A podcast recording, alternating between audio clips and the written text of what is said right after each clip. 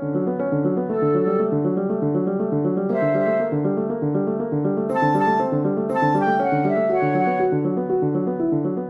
gyvenimo lėti pokalbiai su Urte Karalaitė.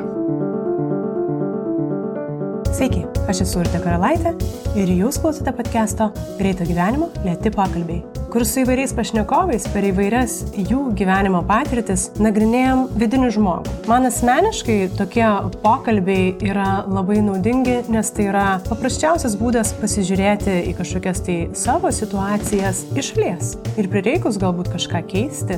Toks geresnio savęs ieškojimas, geresnio savo, kitiems, kosmosui, pasauliui. Net jeigu ir mėgstu tokias ir banalokas ir naivuoliškas frazes, man iš tiesų labai trūksta pozityvaus pasaulio matymo ir tikėjimo savimi, aplinka, ateitimi. Dažnai kovoju su negatyviu mąstymu ir šiandienos pokalbis daug kartų pabadė į tai pirštu, nes jame ypač daug tikėjimo ir vilties. Šiandien kalbuosi su man asmeniškai ypač plataus ir skaidraus mąstymo pavyzdžiu - Arūnu Gelūnu. Jis yra filosofijos daktaras, grafikas, buvęs kultūros ministras, Lietuvos ambasadorius prie UNESCO, dabar ir Seimo narys. Per šį netrumpą pokalbį spėjom apliekti tikrai labai daug temų. Nuo žmogaus silpnumo, lengvų pasirinkimų iki dviejonių, pažadų. Į pokalbį tikriausiai pavyko įtraukti visas įvairiausias arūno pusės, dėl to šias temas pavyko panagrinėti įvairiausiais pjūviais, tas man buvo labai įdomu. Jei jums svarbu tai, apie ką mes čia kalbamės, kviečiu paremti podcastą ir taip tiesiog padėti padengti jo išlaidas, kurias nepaslaptis dabar padengiu aš viena. Tai galite padaryti patreon.com pasvirasis brūkšnys lėti pokalbiai. Labai ačiū Egliai Bazaraitai, kuri neseniai prisijungė prie Patreon rėmėjų. Tai gero klausimuose, pokalbis netrumpas, bet labai įvairus ir tikrai neprailgsta.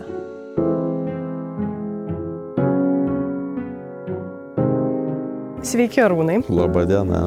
Labai ačiū, kad radot man laiko ir atėjot šitos 50 metrų iki Mažvido bibliotekos. Iš ties netoli buvo eiti. E, labai dėkoju beje už kvietimą užsukti į Seimą, kuris mane be abejo labai suvilioja, nes e, kiekvienai progai pasitaikius visą laiką norisi tokį gražų pastatą ir visą, visą tai, kas vyksta ten už tų slaptų durų. Ne, jos tikrai nėra slaptos, jos yra žymiai atviresnės, negu galima pagalvoti. Ir neretai, jeigu čia galiu įtarp, mes jaučiamės kaip žvėreliai zoologijos sodė, nes visą laiką ir posėdžių metu, ten ir, ir karščiausių diskusijų visada yra kažkas atvažiavęs ir į tave žiūri nuo to balkono moksleiviai, žmonės iš regionų, įvairios organizacijos, nes na, tai yra normali praktika.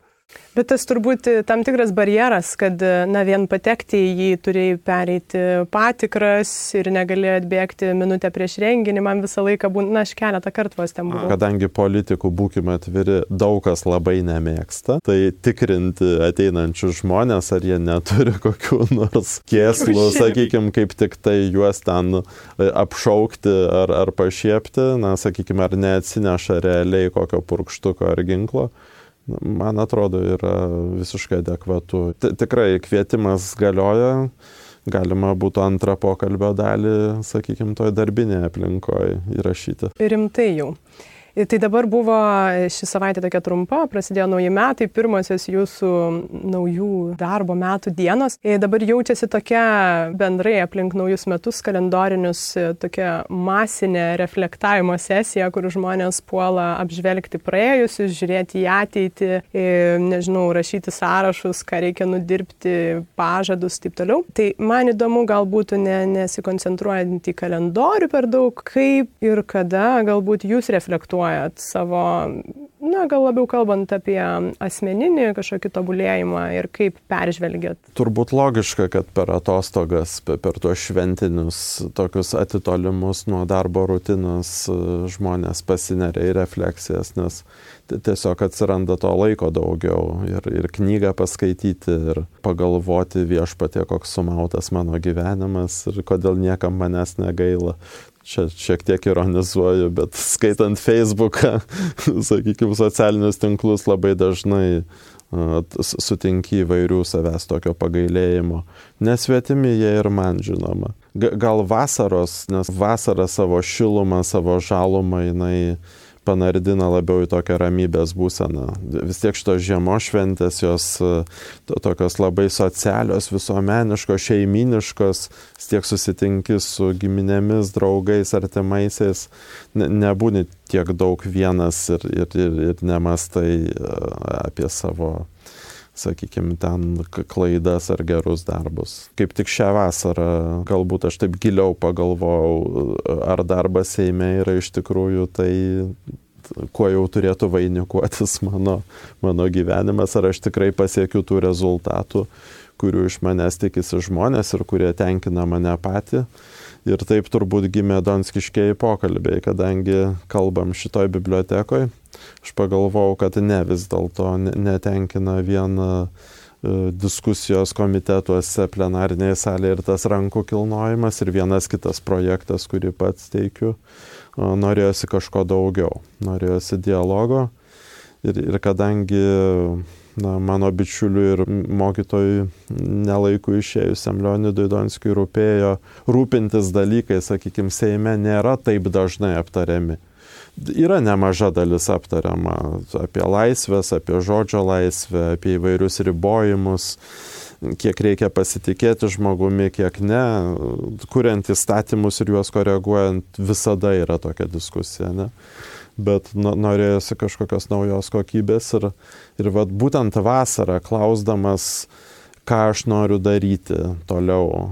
Ar tai, ką darau, jau mane tenkina ir, ir mm, atliepia tuos mano, sakykime, galimybės ir lūkesčius ir, ir, ir norus savo patikti, patikti kitiems, jaustis reikalingu ir taip toliau. Ir, ir pagalvojau, kad kažko tikrai reikšmingai stinga, to, to kūrybinio elemento.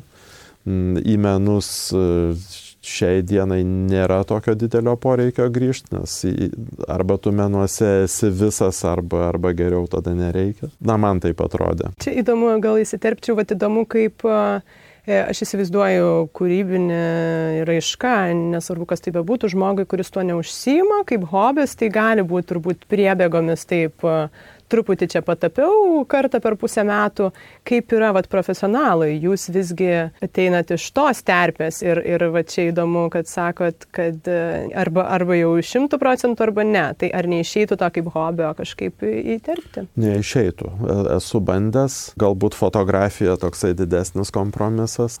Turėjau gražų nuotykį Greimo metais, 17 metais Vilniaus universitetas pageidavo nuotraukų dar 16 kalbėjom, kai aš dar dirbau UNESCO Paryžiuje. Ir jie pageidavo vietų susijusių su grėjimu, na, kuris gyveno, kur, kur dirbo, ten į kokias kavinės užeidavo. Na, tas fotografavimas ir kūrybinis interpretavimas tų, tų vietų kartu su jo buvusiais mokiniais buvo toks kompromisas, nes tam nereikėjo viso laiko aš galėjau susitikti su tais buvusiais mokiniais ir, ir maloniai pabendrauti, prisimenant grėjimą ir, ir apsilankant tose vietose ir surežisuojant, susimuliuojant tarsi greimišką situaciją, ten kažkokį tai kavos puodelį, alaus bokalą, kurį mėgdavo greimas ir panašiai. Čia, sakykime, toks nesenas pavyzdys, kaip buvo galima dirbant diplomato darbą, užsimant visai kitais dalykais, šalia to, sakykime, kūrybiškai padirbėti. Ir man gal rašymas labiau yra, kiek aš sugebu jam skirti laiko, va, tokia kūrybinis pratimas, kuris tenkina šalia rutininio darbo. O, o menai, kalbant, jeigu klausia apie profesionalų meną, ten ar, ar grafiką, ar tapybą tušu, ar na, koks nors vizualusis menas tai aš likčiau prie nuomonės, kad aš, jeigu jau sugrįšiu, tai sugrįšiu visam laikui, be kompromisų su savo darbo atvarkė. O rašymas, ką, ką jūs rašote, ar savo rašymas, mintis? Ar... be abejo, visas mintis yra mano. Taip. Bet uh, tai neabejotinai tai yra susijęs su, su tuo, ką tu šiuo metu darai, kaip, kaip žmogus gyvenime ir, ir reflektuoji ar, ar apie Lietuvos būklę Europoje, ar apie na, kažkokias tendencijas Lietuvos viešajam gyvenime, ar pastaruoju metu labai svarbus tapo Kaunas, nes aš jame negyvenu kuris laikas, kilęs iš ten. Visai neironiškai aš supratau, kas yra tėviškė kai ilgiau gyveni užsienyje arba kai gyveni Vilniuje ir neturi laiko aplankyti ant tėvų ar draugų likusių Kaune. Tai tas grįžimas, tas ribos kirtimas, aš sakau, šeimai sakau, va grįžtam į tėviškėlę.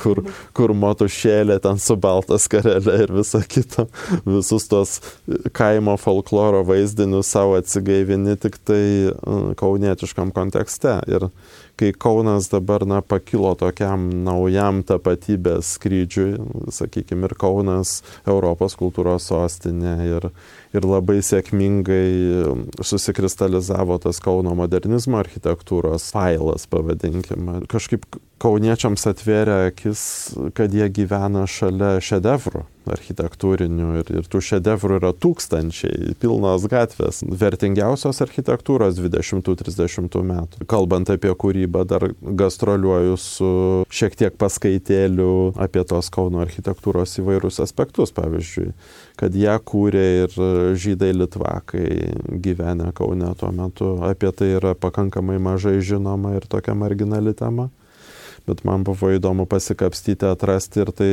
tai tapo labai, labai įdomių nuotikių gyvenime. Pasižiūrėjimas į tą tarpukarį naujom akim, ne, ne vien Šabaniauskas ir Dolskis ir ne vien ponų baliukai metropolyje ir ten Konrado kaviniai, kuo apsiribodavo kažkaip, tai bent, bent man atrodo, ai ten Vat, sovietai pasakodavo, kažkokie ponai linksminosi tenai, vargšai vargo, tokį visiškai subanalintas tarpukario Lietuvos vaizdas. Ir su architektūra, su tais projektais, su viešų pastatų atsiradimu, ta pirmąją respubliką savo susikūrė visiškai naują Lietuvą ir, ir vat, man tas buvo labai įdomu, kūrybiškai. Įdomu, kad jūs minėt, kad ir kauniečiai patys atrado tą Kauną. Taip ir Lietuva visa. Kaunas visą laiką buvo ir staiga Kaunas tapo traukos kažkokiu tai tašku, visiškai už valandos kelio nuo Vilnius. Tai grįžom prie jūsų vienų šaknų, prisikabinsiu prie vieno jūsų pasakymo švelniai. Prašau, Niekaip galim ne, čia prie visko kabintis. Nes čia labai gilus pokalbis turi būti ir rimtas, ne, čia mes galim ir... Tai va čia apie gilį. Sąmonės archeologiją atlikti kažkokią. Man tikriausiai nepavyktų, bet su Arūno filosofo pagalba galim pabandyti. Bandykim išsikviesti jį. Žvakių prireikia. Filosofui ne, ekstrasensui ar astrologui gal žvakių. Tikiuosi, interviu pabaigoje sužinosim, kiek iš viso tų arūnų yra. Tai čia, vad prie kito arūno prieisiu. Senokam interviu pastebėjau jūsų pasakymą, e, kad giliai viduje jūsų tūno rytietis, ką pabrėžė ir jūsų studijos Japonijai ir, ir domėjimasis rytų filosofija, jūsų ir doktorantūros darbe darbe lyginot e, rytų ir vakarų filosofijos paradigmą? Taip, Kitaro Nišidas buvo filosofija pasitelkta lyginti ją su vakarų fenomenologija. Tas tiesa. Aš bandžiau iš tiesų ją rasti, aišku, gal ir apsidžiaugiau, kad neradau e, to darbo, nes e, per mažai tikriausiai būtų. Jis yra ir šioje bibliotekoje, jis turėtų būti viešai prieinamas. Tai va čia man įdomu, kaip tas vidinis rytietis, ką jisai atneša į jūsų šiandieninę asmenybę, požiūrį į pasaulį, į darbą, politiką galų gale. Hmm, čia tikrai sunkus, ambicingai suformuoluotas klausimas. Rytietis tarsi turėtų implikuoti vidinį gyvenimą, kažkokį meditatyvų. Bent jau ta tradicinė banali perskira rytų vakarų, kad, kad rytai labiau gyvena dvasinį meditatyvų vidinį gyvenimą, o vakarai į technologijas, į plėtrą, į užkariavimus, į išorę, į pramogas ir taip toliau atrodo, 21 amžiuje jau, jau tos perskiros yra vargu ar taip jau labai galiojančios, nes rytuose ir vakaruose gali atrasti visko. Iš tiesų, kažkada dar vaikystėje atrasti rytai, aišku, labai fragmentiškai, nu kiek sovietmečių ten tu juos galėjai atrasti. Jogos kažkokios tai knygos atvežtos lagamino dugne reiškia ir, ir ta, ta visiškai nauja praktika, kad fiziniai pratimai, kvepavimas ir meditacija gali būti kartu ir ir tai kažkaip tai labai keičia ir įtakoja tavo gyvenimą. Nu, nekalbant apie tuos dviejus metus e, Japonijoje, kur buvo labai gera pamoka ne vien kaligrafijos ir tušo tapybos ir estetikos prasme, ar, ar kalbožinių kažkokių, bet aš iš naujo atradau, kaip žmogus gali bendradarbiauti su žmogum. Reikia suvokti, kad tai buvo 95 metai, Sovietų sąjunga ką tik griuvusi, Lietuva penkeri metai, kai nepriklausoma irgi labai sunkus laikotarpis. Ir kolektyvizmas kaip toks, ne, kad, kad kažkokios idėjos apima žmonių masę ir, ir jie jomis vadovaujasi ir tu ne kaip individas, o kažką su kitais darai, jos buvo labai labai nepopuliarios. Jeigu tu kažką nori ten su kitais, iškart sako, oi, tu kaip komsomolcas, pionierius, sako, tu vėl gražinė anuos laikus. Nes sovietmečių nu, žmogus neturėjo privataus gyvenimo, jisai ar neturėjo teisės jį turėtis. Užsirakina būte, ten vir, virtuviniai tie pokalbiai, slapti Reiškia, bet jis kaip individas niekam neįdomus, jis yra toks socializmo, komunizmo statybų dalelė, tokia lego kaladėlė, kuri tą visą įsivaizduojama tą totalitarinį pastatą tenai kurpia. Iš naujo atrasti, kad visuomenė vis dėlto yra prasminga ir darbas su kitais yra na, vienintelis įmanomas valstybėje išsilaikyti veikla ir, ir kokiu pagrindu tai gali vykti. Tai vat aš Japonijoje tą atradau iš naujo. Ir jeigu nori paklausti, kaip tas rytietis dabartinė arūną įtakojo, tai tas japoniškas stengimasis dėl kitų ar koordinavimas savo veiklų ar atsižvelgimas, ar ta žolė šaknų diskusija, žolė šaknis turint omeny, kad kai tu sieki konsensuso, tai tu po truputį, po truputį sodini kažkokius daigus tam konsensusui atsirasti, o ne tik individualistiškai kardu kerti tenai. Ir tu teisus, kirtai, toks stiprus individas pergalėjai visus ir, ir, ir liko tavo tiesa. Tai vat šitas momentas, jisai man davė pamoką, kuri tuo metu buvo labai reikšminga. Aš grįžau 97-ais ir, ir man atrodė, kad lietuvių visuomenė yra labai subirėjus, labai fragmentiška, labai tas individualizmas radikalus nepasitikėjimas žmonių žmonėmis kitais yra labai aukšto laipsnio. Taip sąjūdžio laikais buvo dainuojantis mitingai, ta sausio 13 visi bėgom į gatves, ten lipom į svetimus automobilius. Bet tai greičiau buvo išimtis patvirtinanti taisyklę, kad tie penki sovietmečio dešimtmečiai, ta okupacija padarė labai blogą dalyką. Tai yra, na, privertė radikaliai žmogų nepasitikėti kitų žmogumi. Ir Japonija buvo man savotiška terapija, parodanti visuomenę, kuri grįsta labai glaudžių bendradarbiavimu vienas su kitu. Sako, ten, oi, asmenybė sus, užslopinta, labai užgneušta, jinai turi savo vietą Japonijoje. Tas as, asmuo, jis labai subtiliai gali būti išsipuoselėjęs, bet viešam gyvenime tas ego yra tikrai apribotas ir tu kažkaip tai visas pastangas nukreipi tam bendram darbui ar bendram tikslų siekimui. Ir tų vertybių išryškinimui ir, ir dedamų pas, pastangų, dvi frazės gaman ir gambaru Tai atkaklumas ir užsispyrimas ir pastangos ne, ne savo kaip ego įtvirtinimui, bet, bet kažkokiam visuotiniam gėriui. Ir, ir už tai japoniški privatus muziejai atrodo žymiai kukliau už valstybinius, nes, na, sakykime, bendrojo gėrio reprezentantai ar parkai viešosios erdvės, mm, vieši pastatai, nu, jie demonstruoja tą konsensuso dvasę. Tai e, aš šio konsensuso neteigiu kaip konformizmo kažkokio, kad tu būk vidutinybė, ne, ne, nepuoselėk savo individualių savybių ar kažkokių pomėgių, viską atiduok viešumai, neišsišok, būk lygus kaip visi. Japoniškas va, traktavimas šito yra žymiai subtilesnis. Tai mm, aš juokavau po to, kad aš nei jokių administratorių, nei politikų, nei ministrų tikrai nebūčiau tapęs be Japonijos pamokų tokį labai ilgą pateikiau atsakymą į tavo klausimą, bet sakau, tos, tos japoniškos darbo grupėje ar veikimo iš vien su kitais pamokos, jos man padėjo na, padėjo kurti struktūras jaunoje, ką tik atsikūrusioje Lietuvoje. Ar tai būtų Vilniaus dailės akademija, ar, ar kultūros taryba, kultūros ministerija, darbas su kultūros organizacijom. Ir dabar Seime irgi įstatymų kūrimas ir, ir kažkokios viešos erdvės refleksija. Labai stiprus japoniškas komponentas yra tame. Nes jeigu jo nebūtų, tai būtų kaip tokių avinų daužimasis kaktom reiškia tokių individų masės e, aštrus susipriešinimas siekiant save įtvirtinti. Bet e, kai, pasitelki tą viešo bendrojo gėrio sampratą, tai tas daužimasis neatrodo toks brutalus ir na, yra prasmingesnis iš tikrųjų. Ta veikla atrodo prasmingesnė negu kad vien tik tai paklausti savęs. Tai tu arūnai čia realizuoji save Seime ar nerealizuoji? Tam tikrą prasme žinoma taip, bet yra dar svarbus komponentas, kad aš jaučiuosi, kad aš atstovauju tam tikrai grupiai Lietuvos visuomeniai panašiai galvojančių žmonių, na, kurie manyje mato ir, ir savo atstovą, ir savo tam tikrų idėjų pasireiškia. Čia įdomu, norėčiau dar e, paplėtoti apie galios poziciją įvairių rolių nuo VDA, docento, prorektoriaus, kultūros ministro, Lietuvos ambasadorius prie UNESCO.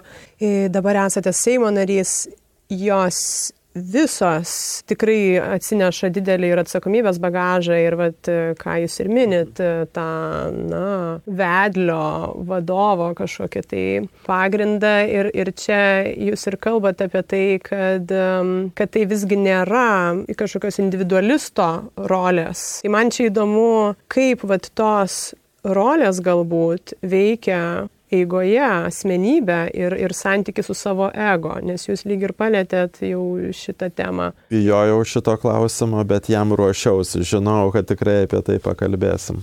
Visai veikia ta asmenybė, aišku. Būna ir labai liūdnų momentų, kaip mėgsta populiaro posakyti, velnės nešia mane į tą galerą kad po disertacijos apginimo, kai netrukus gavau pasiūlymą eiti į prodekanus, tada dar tokia labai maža ir kuklę poziciją. Ir aš galvoju, va, tuo momentu reikėjo pasakyti ne ir toliau ten rašyti straipsnius, daryti grafiką, atsidėti vien kūrybą ir mano gyvenimas būtų pasisukęs visiškai, visiškai kitą linkmę.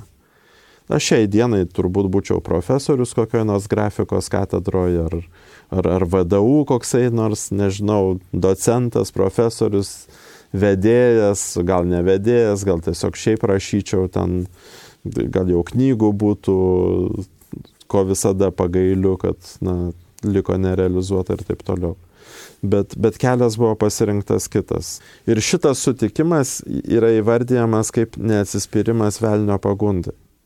Tai galbūt aš galiu traktuoti, kad ta 2001 ar 2002 metais. Galbūt e, tas sutikimas e, tapti, kaip tu sakai, e, vadovų vedliu ar įgyti tą hierarchinę poziciją, kuri tuo metu tau visiškai tokia neatrodo. Tau atrodo, kad tave ištraukia iš komforto zonos ir tu turėsi daryti daug dalykų susijusių su atsakomybė, ir nu, tokiomis ekstra pastangomis, kurių tu net neturi jokios praktikos. Iki tų 2001 aš niekad niekur ne, nebuvau užėmęs jokios vadovaujančios vedlio ar, ar kitos hierarchinės pozicijos. Po to, kuo toliau į mišką, tuo daugiau medžių. Ir mm, aš tai suvokiau kaip tarnystę.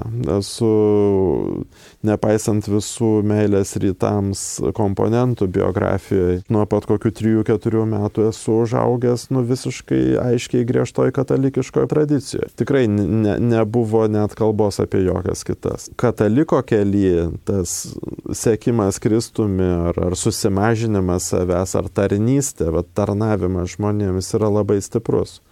Tai va, aš manau, kad ta e, ankstyvas tas katalikiškas krikščioniškas impulsas plus tas rytietiškas darbas grupėje. Čia mes, ne, labai atviras pokalbis, čia mes leidžiamės labai labai giliai į savo vidų. Klausiam, kas mes tokie esam, kaip čia mūsų ego užganėdintas, mes save realizuojam vienumoje ar su kitais. Pasakymas, kad tu nesi vienas, tu esi ir su kitais. Aišku, tu visada svarstai dar ir, ir pragmatiškai, nu, kiek, čia, kiek čia tau, kiek čia šeimai, kaip čia tavo padėtis pasikeis, ar, ar tu čia geriau gyvenai, labai geriau gyvenai ten kurdamas, pardavinėdamas savo kūrinius, kaip čia dabar bus. Tie svarstymai yra, bet, bet aš manau, kad tai, kas galų gale nulėmė tą apsisprendimą, kad tu pasirenki tą kelią, yra kažkokie labai gilūs dalykai, kurie turbūt ateina iš vaikystės irgi. Viena vertus galima sakyti, taip, vedlys, vadovas gale. Ne? Užlipi hierarchiniais laiptais, ta, su tavim visi sveikinasi, gerbė aukštesnę algą ir taip toliau. Bet kita vertus yra atsakomybė ir tarnystė, kurie irgi yra kaip na, didelis krūvis tau ant pečių, kaip visą laiką vaikščioti su ekstra svoriu, su kuprinė prikrauta, na, ne akmenų, bet labai sunkių daiktų, nes tu atsakingas už kitus žmonės. Ir kai tu tą atsakomybės pratimą įsileidai į savo gyvenimą, tai po to tie atgrįžimai į, į vienumą, į individualizmą, jie yra labai labai sunkus. Aš tą girdėjau kalbant ir kitus, kad sako, taigi viską dabar gali sauliaisti, pagyvenk dėl savęs, viskas jau nebegali jau nori tos atsakomybės, nori matyti savo veiklos prasme platesnėme kontekste negu tik tai tavo pavardė ir, ir tavo kažkas. Ir va čia yra geras klaustukas. Ar, ar čia yra klaida ir, ir pasidavimas pagundai, ar čia yra tiesiog tavo kelias, tu toks esi ir, ir tu atlieki dalykus, na, geriau negu kiti, ar, ar tau būtų blogiau, jeigu tu pasirinktum tik tai darbo kabineto ir studijos kelią.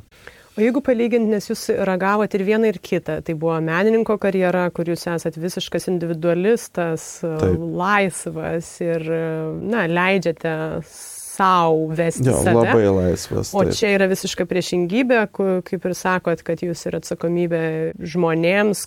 Kaip šituose skirtingi kažkokie tai ego ar santykiai su jais veikia. Nes juose abiejuose veikia. Veikia ego, taip. Viena vertus jo tavo parodos pristatymas, ne? ar atspausdini kažkokį straipsnį, ar sudarai knygą ir kažkokie aplodismentai už tai, ar kažkokia reakcija, ar padėka į tavo veiklą.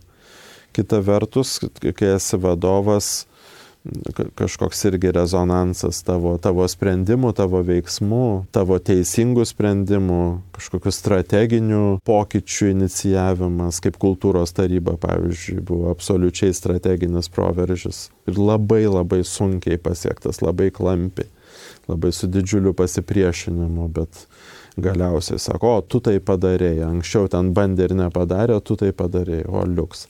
Tai galima sakyti, tai irgi yra ego, Nes aišku, tu darėjai ne dėl to, kad ten lentelė su tavo vardu kabotų kažkur, kur jinai niekad nekabos, nes tai ne apie tai tiesiog kalba. Na, galvoju, kad tiesiog taip reikia. Norėjai matyti savo šalį modernesnę, vakarietiškesnę, atviresnę, geresnę vietą gyventi. Ir toje šalyje įsikomponuoja ir tavo ego su savo kūryba ir pastangom ar, ar su kažkuo. Ego turbūt vis dėlto stipriau džiaugiasi ir užganėdinama stipriau dėl individualių laimėjimų tavo knyga, tavo paveikslas, tavo paroda, tavo koncertas, tu solistas, tu atlieki, ne?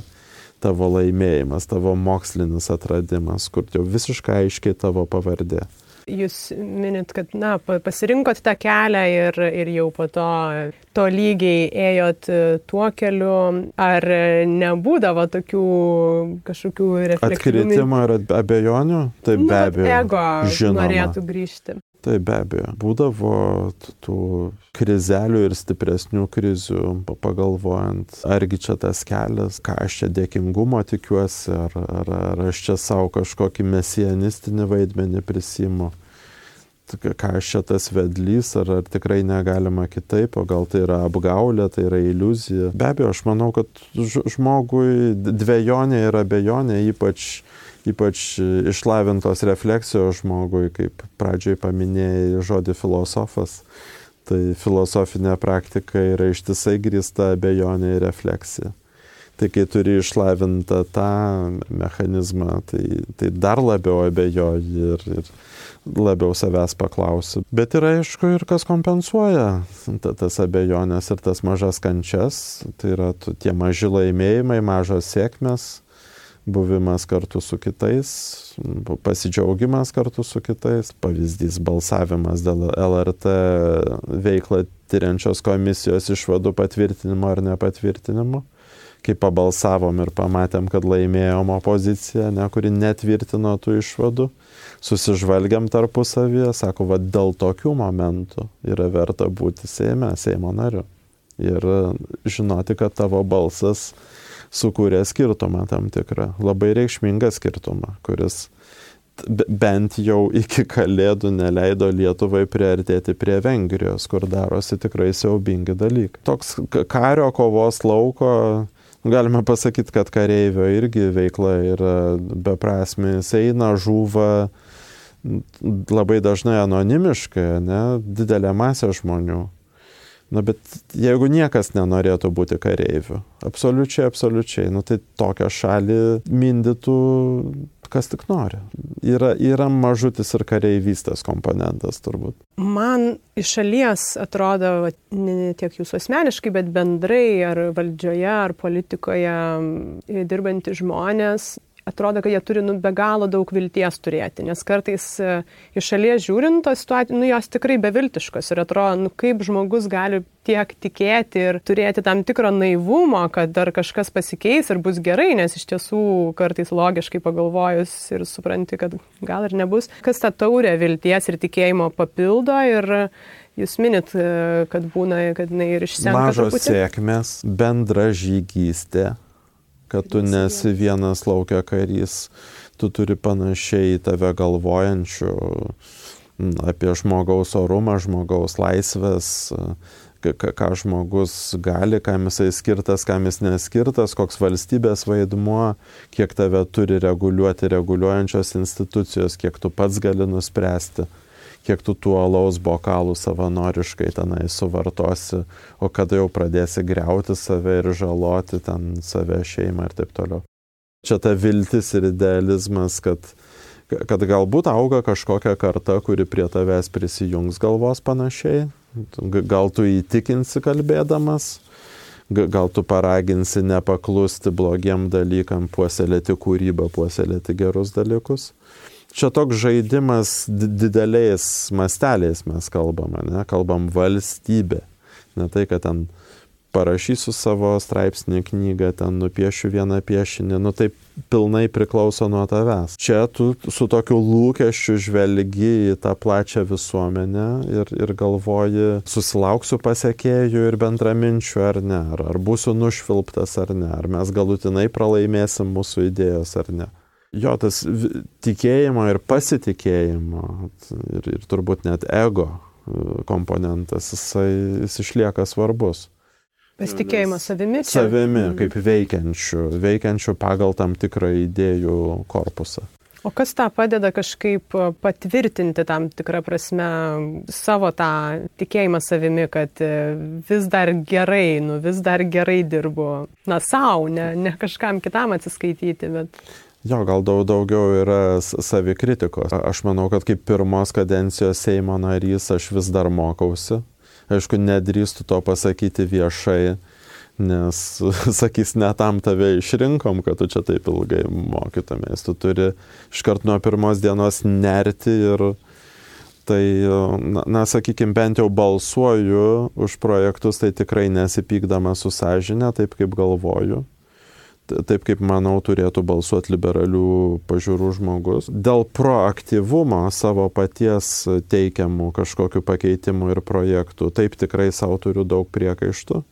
Manau, galėčiau būti žymiai proaktyvesnis ir, ir daugiau teikti. Tai čia dar, sakysim, ateičiai save reikia tam ryštui suskatinti ir, ir, ir pasitikėjimui, kad gali teikti kažką gero. Tai taip toks nu, nuolatinis savęs koregavimo ir kūrimo ir kritikavimo darbas. Aišku, kad mažos sėkmės e, kažkaip įtikina, patvirtina, kad, o, pasiekėjai mažą sėkmę, mažą pergalę. Labai gerai. Tai vieną arba dvi dienas gali pasidžiaugti ten. Griežtai. Gerų projektų, gerų pasisakymų, gerų interviu, sėkmingų balsavimų, gerų įstatymų naujų išeinančių ar panašiai. Bet tie pasidžiaugimai labai trumpi. Daugiau vėl kova, kažko primena kovojama ir karą, iš tikrųjų karo pratybas. Mobilizuotis, vėl į mūšį, vėl atlaikyti ataką, vėl, vėl pasisakymas ir ypač šiame Seime man turbūt labai pasisekė, nežinau, nes konfrontacijos ir priešiškumo yra be galo daug. Čia žaidimas su ugnimi, taip, ir, ir daug analogijų su karu. Bet sakau, viltis ir, ir vis tiek tas idealizmas kažkoks, nežinau, ar, ar, ar kažkokia rusenanti, kartais liepsnojanti, kartais tik rusenanti viltis, kad gali būti geriau, galim kilti, gali tas pasirodyti, ko anksčiau nebuvo kažkas geras. Ir, ir pasirodo tų dalykų. Atsidaro, pavyzdžiui, regione kažkokie gražus kultūros namai ir, ir ten atvežamas kažkoks puikus spektaklis ar koncertas, ko, sakykime, prieš 20 metų, nu ten tu svajot visai negalėjai. Arba ten važiuoji kaip lygus Mm, su lygiu kalbėsi su senų europietiškų demokratijų parlamentais, su parlamentų nariais, diskutuoja Europos ateitį, jautiesi to dalimi. Ko mano jaunystėje, paauglystėje, nu, net įtart negalėjai, kad tai bus. Didelė laimė buvo, kai kontrabanda įveždavo kokiu nors roko grupių plokšteles, reiškia, ir tu jų klausydavai, ir, ir čia buvo viršūnė dabar tu gali nusipirkti pasitaupęs kažkiek tai biletą ten į, į tų grupių koncertus. Ir sakau, realiai dalyvauti Europos jau demokratijos kūrime, pasisakyti tuose forumuose, kalbėti. Jeigu dar vieną arūną paliestume, aš visai kartais pasidžiaugiu, kad aš galiu už Lietuvą komunikuoti keliomis užsienio kalbomis gana ryšliai tas mane tenkina kaip asmenį, kad aš, aš galiu būti tam tikras ruporas Lietuvos. Čia irgi laisvė tam tikra. Jo, tam tikra laisvė ir, ir savęs realizavimas. Tu dalyvauji kažkokio didesnio gėrio kūrime, man tai patinka. Aš noriu grįžti prie karo truputį. Mes iš tiesų paskutinėme pokalbėje kalbėjau su Artūru Morozovu ir jisai paminėjo, e, čia visai irgi prieš tai liestą temą tiks, priešo arba oponento supratimas ir empatija. Man įdomu, kaip jūs tą matot. Ar tai iš viso yra įmanoma ir, ir kuo tai gali būti vertinga? O čia labai vertingas dalykas. Mm, labai suprantu, ką Artūras turi omenyje, kaip fotografas ir žurnalistas, kuris leidžiasi į karo zonas ir, ir fiksuoja tą kančią visą, tą prieš jo akis tą atsiskleidžiančią visą baisybę. Grįžkim prie tos pačios uh, krikščionybės, ne? Ką sako krikščionybė, mylėk savo prieš. Mm, atrodo neįmanomas dalykas. Nu, kaip kažkokia tai teorinė konstrukcija, kaip tu gali jį mylėti. Bet tai matyt yra ta pati supratimo pastanga. Tu turi stengtis suprasti tą priešą. Nu, pavyzdžiui, kodėl ta Rusija užpuolė tą Ukrainą ir kodėl jie nori juos kankinti, ne? Gali suprasti frustraciją rusų, nu, kurie iš pasaulinės supergalios virto, kaip Obama ironizavo, regioninę galę. Kažkokias nesėkmės su įvaizdžiu, tas sankcijas nuolatinę trinti. Ar, ar tą norą tapti vakarietiškesnė vienu momentu, bet supratimą, kad na, tai labai labai sunkus ir ilgas procesas ir geriau vėl atvirsti į tą huliganavojančią Rusiją tokia ir nesielgiančią pagal europietiškas taisyklės. Aš manau, ta pastanga yra labai vertinga. Tai Nedemonizuoti ir uždėti visos juodos kraistės ant kabutėse pavadinsiu priešo, nes visa Rusija tikrai nėra mano priešas ar Lietuvos priešas. Bet ką tai keičia tame santykėje, man įdomu, net ir supratus, ar šį pavyzdį paėmus, ar kitą lokalesnį, tai vis tiek nepateisina kažkokių tai veiksmų priešo ar oponento. Jo, ma, matyt, suprasti ir, ir, ir su simpatija žvelgti ar su empatija gal įsigilinti į motyvus.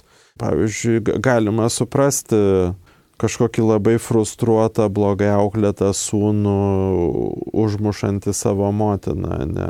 Čia vos ne freudiškai. Bu, buvo kažkokia labai tokia panaši mislinga istorija spaudoje. Tarsi freudiškai pašalina kažkokį tai savo engėją visus tuos metus, ne? Ir, ir kerštas, ir išsilaisvinimas, ir kažkoks.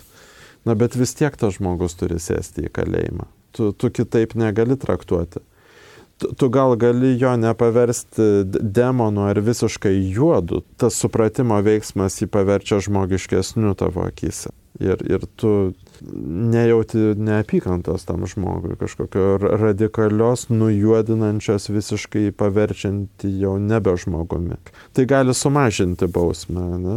bet uh, bausmės neišvengiamumas šiuo atveju yra privalomas. Galbūt suprasti ir bandyti empatiškai įsijausti nereiškia pateisinti, yra atleisti nuo visų žmogiškų sutartinių taisyklių ar kaip pavadinti, nes jeigu žmogžudystė taptų normalia praktika aplinkoje, aš manau, mes labai greitai grįžtume į pirmykštį buvį, į, į, į kromanioniečių ar neandertaliečių būklę. Tai dėja tos socialinės konvencijos ir taisyklės ir, mm, ir kaip šiuo atveju bausmės neišvengiamumas už kažką tokio baisaus kaip žmogžudystė nenustoja galioti Bet, e, sakykime, grįžtant prie tos pačios Rusijos ne, ir, ir to, ką matyti implikuoja Artūro Morozovo pasakymas, kad stengtis suprasti priešą.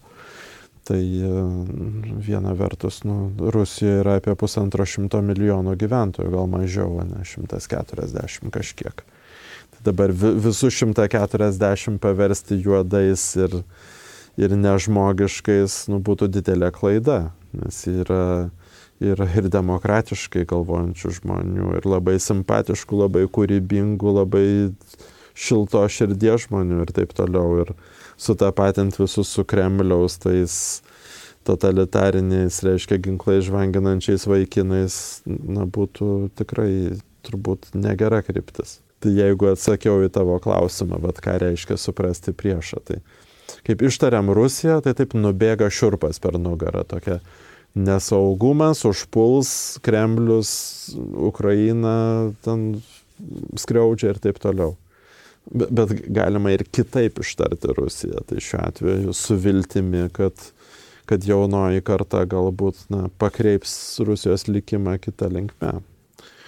Kad ir labai naivi tokia mintis, bet jinai vis tiek. Nu, juk pati pasakėjai, kad politikoje turi būti tikėjimo ir vilties. Bet čia ir toks e, holistinis požiūris iš tiesų. Dažnai žmonės, e, na, ypač kalbant apie politinės pažiūras, e, jie pasirenka kažkokį siaurą kanalą. Ir aš kalbu apie paprastus žemiečius, kurie eina prie šeimininio vakarienės stalo, kovoja už savo pažiūras. Tai čia turbūt bet kokioje situacijoje svarbu pažiūrėti plačiau. Prancūzai turi tokį žodį amalgam, jie, politiniam kontekste vartoja. Ir tai yra sinonimas stereotipinio mąstymo, kad e, kalbant apie visus arabus, arabų pasaulis, tai amalgama būtų, pavyzdžiui, visi arabai yra teroristai. Amalgama yra toksai vientisas paviršius, ne, kuris padengia. Tai reiškia, tuo teroristo apvalkalu, ta juoda skraistė, apie kurią kalbėjau, tu padengi visą, iški, milijonų žmonių. Tai irgi, kad, kad Rusija yra priešas, ta juoda skraistė tu pusantro šimto milijonų žmonių padengi. Ta amalgama. Tai bet amalgaminio mąstymo labai palinkėčiau ir tiems, kaip tu sakei, paprastiems žemiečiam prie, prie pietų stalo, kurie neįsigilindami ten, nežinodami faktų, ignoruodami statistiką, na tiesiog beria tiesas ar neseniai man ten bandė apie vaikų mušimą, nemušimą taksistas išberti tiesas vienas na tai tikrai parašiau jau taksi firmai, kad taip neturėtų elgtis jų darbuotojai. Sudėtingas uždavinys, labai labai sunku, nes nu, tai implikuoja išsilavinimą ir domėjimas, ir, ir pasidomėjimą na, tikrai ir, ir statistika, ir įvairovę visada yra labai sunku išvelgti bet tai vienintelis kelias, nes, nes kitaip tu tom amalgamom apvi, apvilkinėjai nuolat, kasdien. Tas geras, tas blogas, protingas durnas, čia toks, čia man palankus, o čia priešas. Tom, tom klišiam tu negali gyventi. Ta prasme, gyvenimas pavirsta pragaru kažkokiu. Čia labai tiks jūsų Facebook paskyroje. Prieš popiežiaus vizitą pasidalinot įrašų ir, ir citatą ten minit, kuri tikriausiai yra popiežiaus, aš nežinau, e, kuris sako, kad kovos laukas tarp gėrio ir blogio yra žmogaus širdis. bijau suklysti, bet aš manau, kad čia yra Dostojevskio, Fedoro Dostojevskio citata. Aš kažkaip prie jos visai ilgai pabuvau ir man įdomu, kas, kas čia vyksta ir ką jinai jums reiškia ir kaip veikia. Aš, aš nerandu jos vietos kažkaip ant žemės. Čia yra turbūt tas pats sprendimas, ar apsispręsti šviesai, ar apsispręsti tamsai, ar apsispręsti tų amalgaminių paviršių konstravimui, ar visgi įvairovės ir, ir, ir, ir vilties ir lūkesčio ir, mm, ir tam tikro grožio ar, ar didelio grožio įvairovėje suvokimui. Tai yra sunku, nes tu gali apsispręsti patingėti tiesiog ir leisti, kad visą laiką ta, toje širdyje tas blogis laimėtų prieš tos gėrio pradus. Ir, žmoguje, kuris visuomenės tokiu stereotipiniu požiūriu atrodo nelabai tikęs, tu norėtum matyti kažką gero, bet ai patingi ir pasakai, taip, iš tiesų čia yra degradavęs ar kažkoks labai loseris, nesėkmingas žmogus ir negaišiu, nesiterliosiu. Žiūrėsiu į lyderius, į influencerius, į sėkmingus žerinčius pavyzdžius ir, ir va, va čia yra tie, kam aš lankstausi. Tai tas gėrio, gėrio ir blogio kovos laukas širdyje, aš manau, jisai liudyja tas kovos su savimi, nes apsispręsti gėrio pastangai, apsispręsti į šviesę pusę manau, sutiks, nėra lengvas pratimas. Taip kaip yra lengviau gulėti lovoje ir nieko nedaryti, negu kad išbėgti krosiuką arba nueiti treniruotę. Tai yra tikrai lengviau. Tai, nu, kas verčia tave bėgti tą krosiuką? Nu, kažkoks suvokimas, kad kažkada po to vėliau po to diskomforto ir, ir ten to lietutis, kai nu, nudžius po prabėgimo, tavo raumenis sutvirtės ir, ir kažkada vėliau ateitytų jausiasi geriau. Tai čia irgi, tu, tu dar nesupranti, ką tas gėrio išvelgimas tame netikusiame žmoguje atneš. Bet kai tokia pastanga virsta daugiau negu vieno žmogaus, kai jinai virsta kažkokia bendra priimtina tendencija, bendruomeniška ar kažkokia, tu vieną dieną pabundi turbūt geresnėje visuomenėje. Nu, aš taip viliuosi. Interviu struktūrai visiškai netinkamai iš karto labai tinka užtat kita citata, kur, man atrodo, per visą jūsų Facebook e, profilį aš radau lygiai dvi citatas. Čia, kad nenuskambėtų taip, kad uh, Arūnas Gelūnas dalinasi svetimo mintim nuolatos. Bet... Ne, kodėl aš randu tikrai nepaprastai daug gerų svetimų minčių ir stengiuosi iš paskutinių jėgų kiek laiko randu skaityti ir, ir randu tų puikių citatų ir kai kurie žmonės nuolat meta tas citatas į Facebooką ir man jau atsibodo tiesą pasakius. Jūsų... Bet ne dėl to, kad negerbčiau kitų žmonių pasakytų minčių, žaviuosi tikrai. Ypatingai, kai jos suskamba ir atrodo, Taip. kad mūsų mintis pasako. Taip, tai čia va apie tą lengvą pasirinkimą ir lengvesnį e, gyvenimą yra Teodoro Roosevelto e, citata, aš angliškai paskaitysiu. A soft, easy life is not worth living if it impairs the fiber of brain, heart and muscle.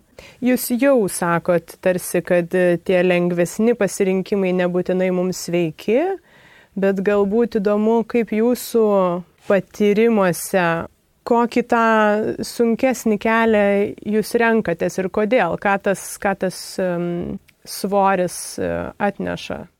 Kažkada, kai buvau dar moksleivis ir, ir verčiau tą minėtą jogos knygą atvežtą lagamino dugne, man atrodo, šviesios atminties Romualdas Neimantas, e, orientalistas ir žurnalistas buvo ją atvežęs iš Indijos ir davė man paskaityti, aš ją nusprendžiau išversti, tai buvo labai seniai.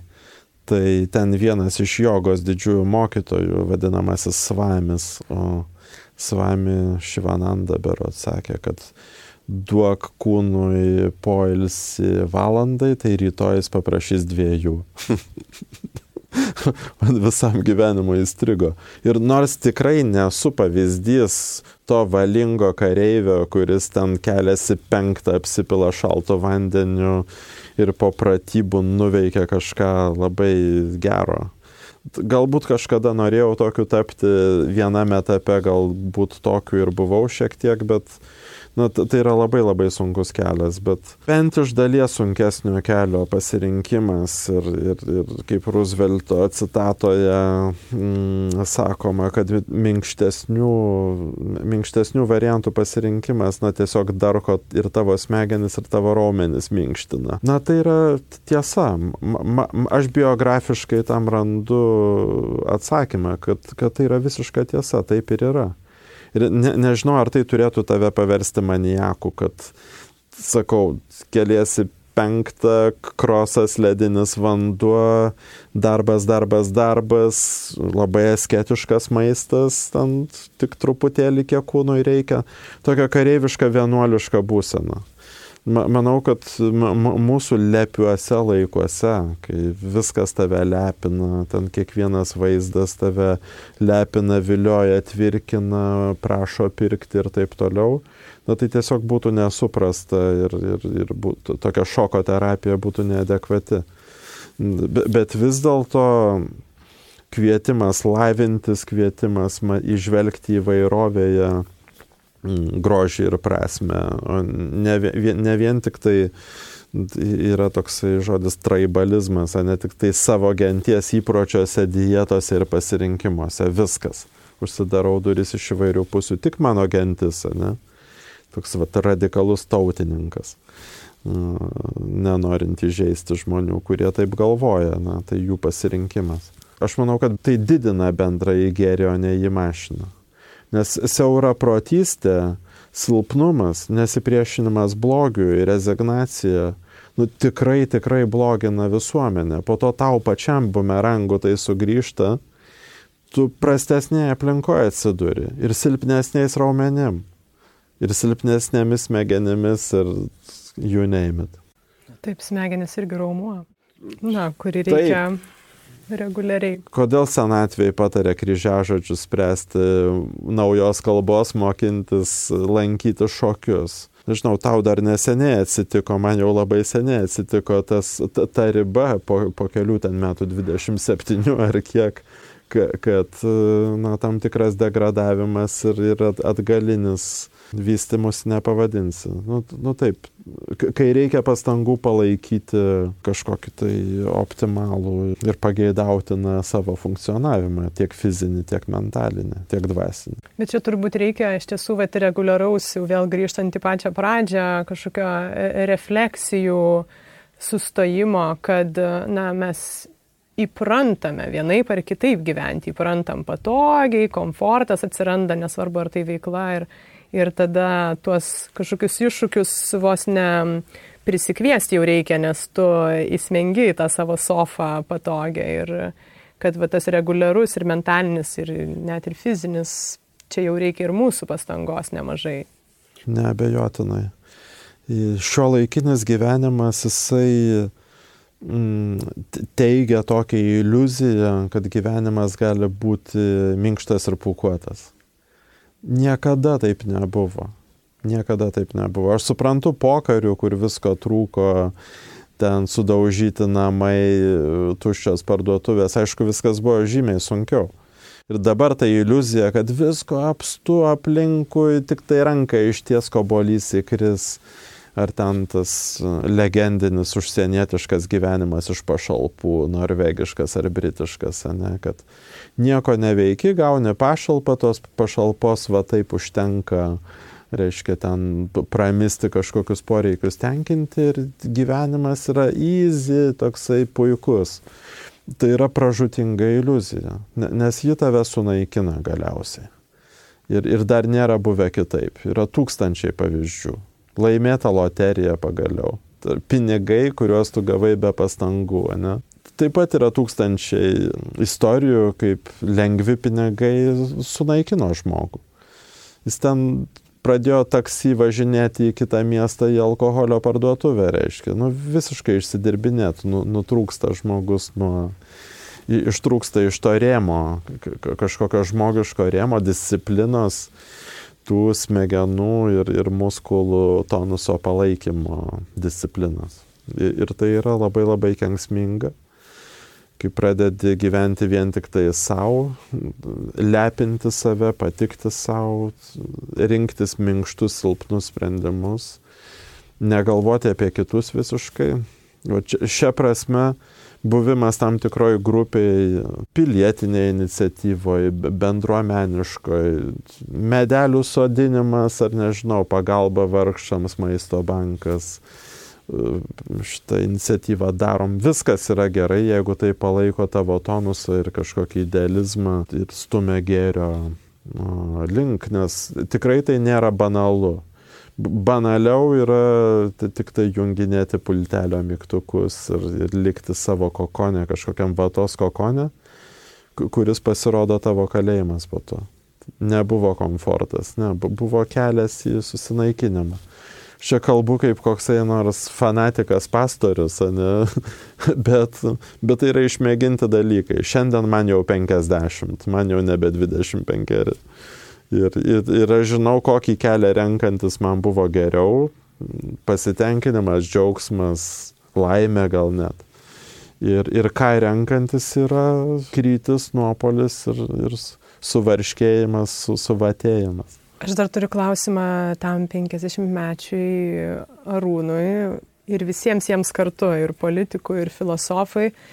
Nes čia toks sudėtingas klausimas. Nu, čia lengvų nebuvo šitam interviu. Man atrodo, visi pokalbį. labai lengvi.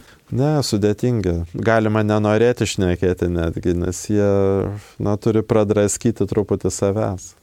Nu, norisi švelniai, pradraskyti, aišku, man taip e, stipriai skamba, norisi švelniai pa, pa, pakibinti ir ne tik pašnekovą, bet tuo pačiu aš ir save visą laiką irgi krapštau, nes tie, tie patys mentaliniai, tos mankštos, jos iš tiesų kažkaip kiekviena, kiekvienas toks pokalbis kiekvieną kartą plečia vėlgi tą neužsitraukimą kažkaip skatina. Tai... Mokydami mokomės, ne? užduodami klausimus, kitam gauname ir savo tam tikrus atsakymus ir impulsus, tai neabejotinai. Jo, ačiū, kad tai darai. Vat ta, ta, ta kūrybinė prasminga veikla yra vektorius į kitus, ne tik į save. Čia aš jaučiu būtent, man irgi buvo labai svarbu pradžioje įsivardinti, kas čia, kas čia kam. Ir, ir šitoj veikloje tai labai jaučiu lygiai 50-50. Jaučiu, kad ir kitam yra svarbu, bet ir aš to pačiu kažkaip nesijaučiu viską atiduodama kaip kitose veiklose abejo, gali iki šiol esu, nes aš gauni taip pat, gauni taip pat Man labai daug kažkaip. žinoma. Tai va aš noriu pakalbėti apie pažadus, kurie visose įmanomose sritise veikia ir yra veiksnus ir, ir toj pačiai politikoje, ir santykiuose, ir kitose žingsniuose gyvenimo. Čia gal ir filosofas Arūnas kažką išvelgtų kaip galima iš viso suprasti tą pažado konstruktą, kodėl jis iš viso egzistuoja ir kaip jisai veikia galbūt mūsų ryšį, nesvarbu ar valdžios su žmogum, ar mūsų tarpusavio. Pažado matyti yra įvairūs kontekstai ir įvairios plotmės. Jeigu tu pažadi vaikui po algos nupirkti žaidimą kažkokią ar žaislą, gauni algą, vaikas jau žino, džiaugiasi a priori tą dieną ir ten nueini ir nuperki, tai yra vieno ligmens. Arba pažadas pats populiariausias, kad kalėdų senelis atneš dovanėlių. Jeigu pažadi būti geras, po eglute tikrai rasi na, kažką, kažkokios savo slapto lūkesčių išsipildymą. Ir, ir, ir šita schema, šitas mechanizmas, jisai veikia nuolat loterija yra pažadas mano minėta ir, ir rinkimai yra pažadas. Jo, turbūt rinkimų pažadai, tokio jau valstybės mastu, kur politinė jėga ar, ar konkretus politikas kažką pasižada, jis yra pats neapibrėžiausias, nes jis priklauso nuo tūkstančio ar, ar šimtų tūkstančių kitų smulkių faktorių, kurių tas politikas ar net politinė jėga visiškai nenumato ir, ir nenumano esant politinių programų rašymas. Pasipriešinimo tų pažadų įgyvendinimo laipsnis ir sudėtingumas ir lygis, nes aplinkybės nuolat kinta. Vis dėlto turbūt pažadus savo ar pažadus kitiems na, yra verta duoti, nes nu, tu turi tam tikrą vertybinę struktūrą ir, ir kažkokią kryptį ir vektorių. Kaip ten pavyzdžiui rašėme kažkada Lietuva 2030. Tai buvo rašoma apie kokius 90-11 metus galbūt. Na, projektuojant 20 metų į priekį. Kokią pažadame Lietuvą plėtoti ir auginti ir statyti. Norime tokios krypties. Nėra visiškai neprasminga, nes žmogus skiriasi nuo laukinių žvėrių tuo, kad jis nėra vien dabar akimirkoje, kaip sako. Tigras yra visą laiką tik tai čia ir dabar, nes jis nori na, pasisotinti, pasisotinės miega, ne, jam to užtenka. O žmogus projektuoja dešimtmečius ir net ten toliau į priekį. Planuoji metus, ten turi kalendorių Jeigu pažadi draugui susitikti po trijų savaičių ir įsirašai kalendorių ten ateiti į jo šventę, skaudu, kad ne, neįvykdai to pažado. Aš manau, kad pažado struktūra, atsakant filosofiškai, jeigu čia išsikviečiam Arūną filosofą, tai yra viena iš žmogaus sąmonės projekcijų, tai yra projekcija į ateitį kad tu ne, ne tik praeities reminescencijose, ne tokia no, nostalgiškam ar, ar skausmingam, jeigu freudiškai pasvarstėme, kas tau atsitiko seniau. Dabar momente, ne, kur, kur tu realiai veiki. Bet nu, žmogui yra absoliučiai būdinga projektuoti į ateitį. Ir, ir, ir pažadas savo ir kitiems yra tos ateities statyba tam tikra gali būti melagingi, manipuliatyvūs pažadai, žadant, jau žinant iš anksto, kad tu tikrai, tikrai netesėsi ten. Galbūt tokius pažadukus galima demaskuoti, jau šiek tiek pasitelkus patirties nelipti ant to grėblio visą laiką. Aš tik galvoju, ar pažadas um, savaime neturi savį užkoduoto kažkiek uh, tikimybės uh, neįvykti, kad ir kaip vaikui sakot, uh, gavus algą aš nupirksiu tau žaislą, uh, bet jau gavus algą sugedo skalbimo mašina ir bet kas gali įvykti. Pažadas turi žymiai daugiau svorio, negu aš paskambinsiu kažkam ir sakysiu susitikim rytoj. Kiek jisai žalingas yra, nes jis labai ir į vieną pusę stipriai, ir į pozityvą, nes aš tau pažadu ir, ir tai jau daug vilties suteikia ir į kitą pusę ekstremumą šoką. Man atrodo, kad nu, tai turi tiek daug svorio, kad baisu. Aš labai bijau pažadų. Taip, aš manau, kad garbingi žmonės, kaip Konfucijus jiems liepia, žada atsargiai. Konfucijos e, pokalbiuose ir pašnekėsiuose, berots taip vadinasi, Liunjui e, lietuviškai. Man atrodo, kad toje knygoje yra sakoma, kad e, kilnus žmogus turėtų bijoti būti mažesnis už savo žodžius ar kažkaip.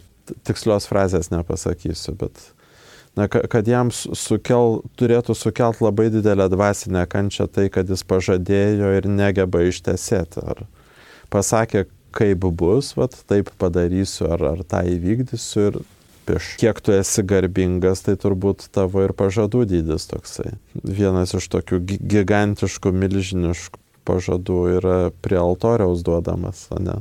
Man šitas irgi labai įdomus yra. Aš daug diskutuoju savo aplinkoje apie tai ir man jisai atrodo, vat, nu, apie tą patį, ką ir kalbam. Taip, taip. Ir čia yra galbūt gražus ornamentas ir tradicija, nes viena vertus žinoma, tai yra ir siekiamybė, nu, didelė siekiamybė.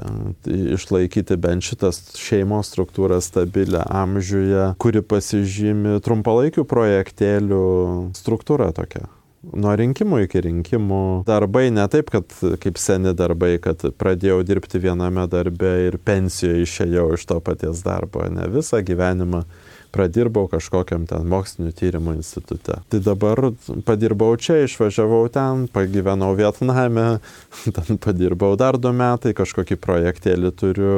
Primena tai šio laikinį gyvenimą, ne? Projektas baigėsi, judu prie kito projekto. Bet šeima visiškai nepasiduoda šitam mąstymui, čia, čia tau ne projektukas. Jeigu dar nėra šeimos, tai yra vaikų. Ne, tai pagyvenau su vienu, pagyvenau su kitu, ne, nepatiko, išsiskyriau, labiau patiko, ilgiau pagyvenau, po to ten vėl. Nu, judu nuo projekto į projektą. Bet sakysim, jeigu įsivaizduom tą labiau klasikinę struktūrą, tai yra nulemta padaryti labai labai daug žmonių labai nelaimingais. Jeigu užaštrinam tavo klausimą, labai labai radikalizuojam, kažkada esi jaunas ir durnas, bet panaudosiu rusišką žodį, o ne, ne lietuvišką kvailas. Ir duodi pažadą kitam žmogui visam gyvenimui, net ant 50 metų į priekį. Visiškai nežinodamas, tu ten galėsi ištesėti, negalėsi, kaip ten tas atrodys šitas pažadas paveldėtas kaip tradicija, ne tūkstančių metų.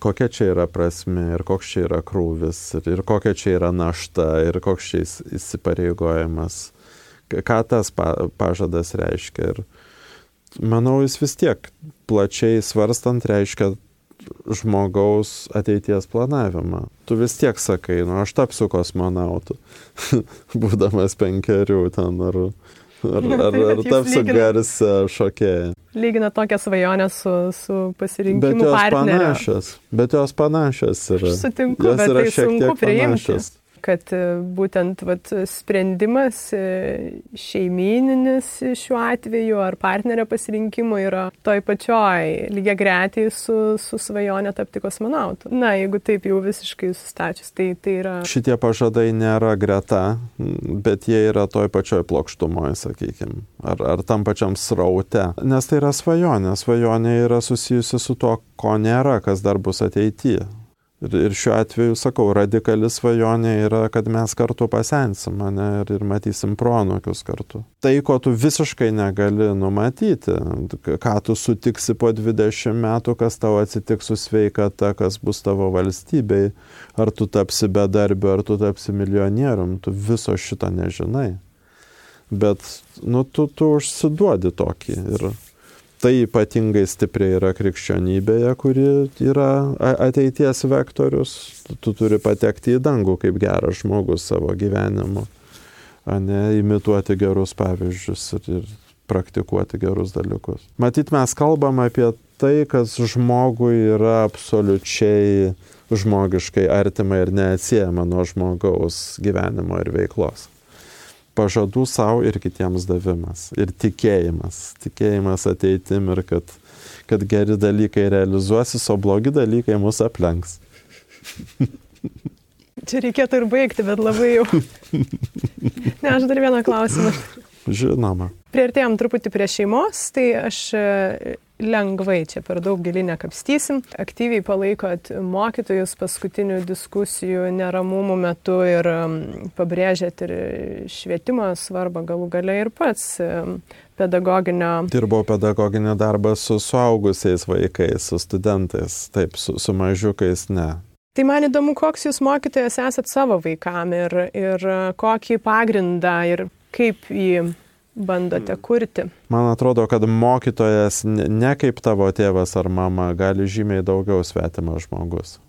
Nu kažkaip taip yra. Aš manau, kad tėvai galėtų labai svarbu mokymo komponentą ar net esminį, kaip man atrodo, mokymo pavyzdžių. Santykiai tarp pačių tėvų, ką jie veikia, kada jie keliasi, kada gulasi, ar jie sportuoja ar nesportuoja, ar jie ar jie girti ar blaivus, ar jie skaito, ar jie neskaito, ar, ar vien televizorius, ar kitokios veiklos.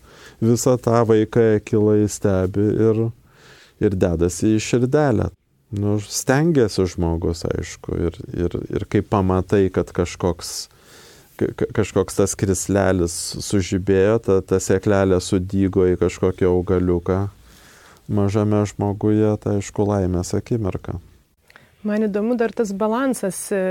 Nutinka taip, kad labai norėdami kažkokį tai jaunam žmogui ir vaikui krypti gyvenime duoti per daug spaudimo ir rėmų atsiranda ir tada kitas kraštutinumas yra, kur gali daryti, ką nori, eit, kur nori ir vad kaip tą balansą rasti, kur neužgošti kažkaip ir ne, ne, neįrėminti, netraumuoti vaiko bet ir kaip ir gaidinti, niekad nerandu lietuvišką vesti. Ja, nu, parodyti kryptį. O čia turbūt sunkiai atsakomas klausimas. Kas tas geras švietimas? Kiek turi būti įrankių davimo, didaktikos ir, ir tam tikro rėmo, kiek turi būti laisvos improvizacijos ir to madingo šiais laikais kūrybiškumo? Kiek to Šekspyro, kiek to paties Petriuko reiškia, kiek jam leisti duoti kažką, kas jam leistų virsti Šekspyru. O yra turbūt amžina paslaptis nuo, nuo pat senųjų Atenų mokyklų ir, ir Konfucijos ir dar seniau. Dar kai buvau pats dėstytojas, mėgdavau duoti baltą lapą pradedančiam studentui toks klasikinis pratimas - pieštuku kūrybiškai užpildyti baltą lapą. Be temos, be gaidanso ir gairių. Kaip be temos? Be nieko. Vat savo gražiai ir kūrybiškai užpildyti baltą lapą kitas kraštutinumas, Taip. kai žmogus nebežino, kaip laisvai, be temos, be rėmų kažką daryti, nes įprotis atsiranda iš... Įprotis, kad visada tau duoda tos boksiukus užpildyti, užčekinti. Visada yra penki klausimai, iš kurių pasirinkti geriausia. Tai tuo absoliučiai netikiu. Aš manau, kad visada turi vienoje ar kitoje vietoje atsirasti baltas lapas, Ir, ir visada tu turi su savo jau sukaupta patirtimi ir, ir išvalgomis gebėti tą baltą lapą savo prasmingai užpildyti. Teisingai pastebėjai, kad tai yra radikalus pratimas, bet nu, jeigu tu jo netlieki visai, tai esi tada tikrai situacijų įkaitas ir tau visada reikės viršininko ir valdžios ir prievaizdo, kuris tau suteiktų tą prasmės rėmą, nes tu negebėsi neatversi savo naujų horizontų tikrai niekad niekada. Jeigu paniškai bijosi atsidurti prieš balto lapo situaciją. Čia iš tiesų dar viso naujo pokalbio galėtų būti diskusija. Aš jau link pabaigos noriu paskutinį. Arūnai, sarkazmas ir humoras. Kam jums jo reikia ir ką jisai atneša į jūsų kasdienybę, darbą? Jo, jeigu sarkazmas ir humoras yra nukreiptas tik į kitus, tai jis tada atneša destrukciją turbūt. Kaip tam anegdotė, aš esu su baltomis šlepetėmis, o jūs visi mešle. Yra toks anegdotas labai juokingas. Bet jis pasako apie tuos, kurie būtent mėgsta tik tai pašiepti ir versti sarkazmo objektais kitus. Manau, gebėjimas į save labai rimtai nežiūrėti. Kaip kažkada pasakė labai šviesios atminties, irgi nelaikų išėjusi kultūros žurnalistė Vida Savičiūnaitė.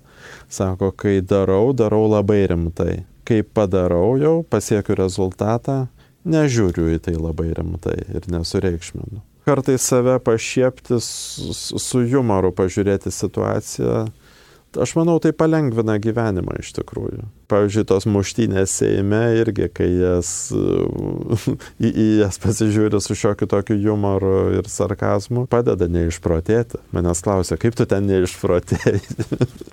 tai taip, humoro jausmas ir mano ir kolegų turinčių labai gerą humoro jausmą požiūris į tas situacijas kaip į juokingas, ne tik kažkokias lemtingas, depresyvės ir konfliktiškas. Žmogiškoji kvailybė, ne, mes visi esam kažkiek kvaili ir, ir, ir pridarom kvailiausių poelgių ir klaidų. Gebėjimas iš to pasijuokti ir pasižiūrėti kaip Monty Pythono, mano labai mėgiamo komikai, į, į visą pasaulį kaip į didelę komediją. Bet galbūt nereiktų to paversti kasdieninę praktiką turėtų būti vėlgi pusiausvyrą, tam tikra harmonija. Tarp to, kai tu sugebi ir ašarai spausti ir labai rimtai pakalbėti ir nebijot pasirodyti silpnas ir nuoširdus, bent jau savo artimiausiam ratui, draugams ypatingai. Ir kai tu esi su ta satyriko kaukė, dygaus sarkazmo skleidėjo, bet sakau, ne tik į kitus ir į save. Ir į save turi sarkastiškai pažiūrėti. Tai šito balanso aš ir linkiu. Ačiū labai. Ačiū labai, Arūnai. Ačiū už pokalbį. Ir įdomu tikrai pokalbį. Ačiū, kad klausėtės. Man asmeniškai geras pokalbis yra tas, po kurio galvoje atsiranda bent viena nauja, šviežia mintis. Po visų šių pokalbių man jų atsiranda daugybė. Tikiuosi ir jums jie ką nors duoda. Na ir priminsiu, kad paremti podcastą galite patreon.com pasvirasis brūkšnys lėti pokalbiai. Būsiu labai už tai jums dėkinga. Sekite podcastą Instagram ir Facebook paskiruose. Ten aš nepagailiu taip vadinamų teaserių ir užkulisių įrašų. Na ir linkiu žadėti atsargiai, o svajoti drąsiai. Iki kitų kartų.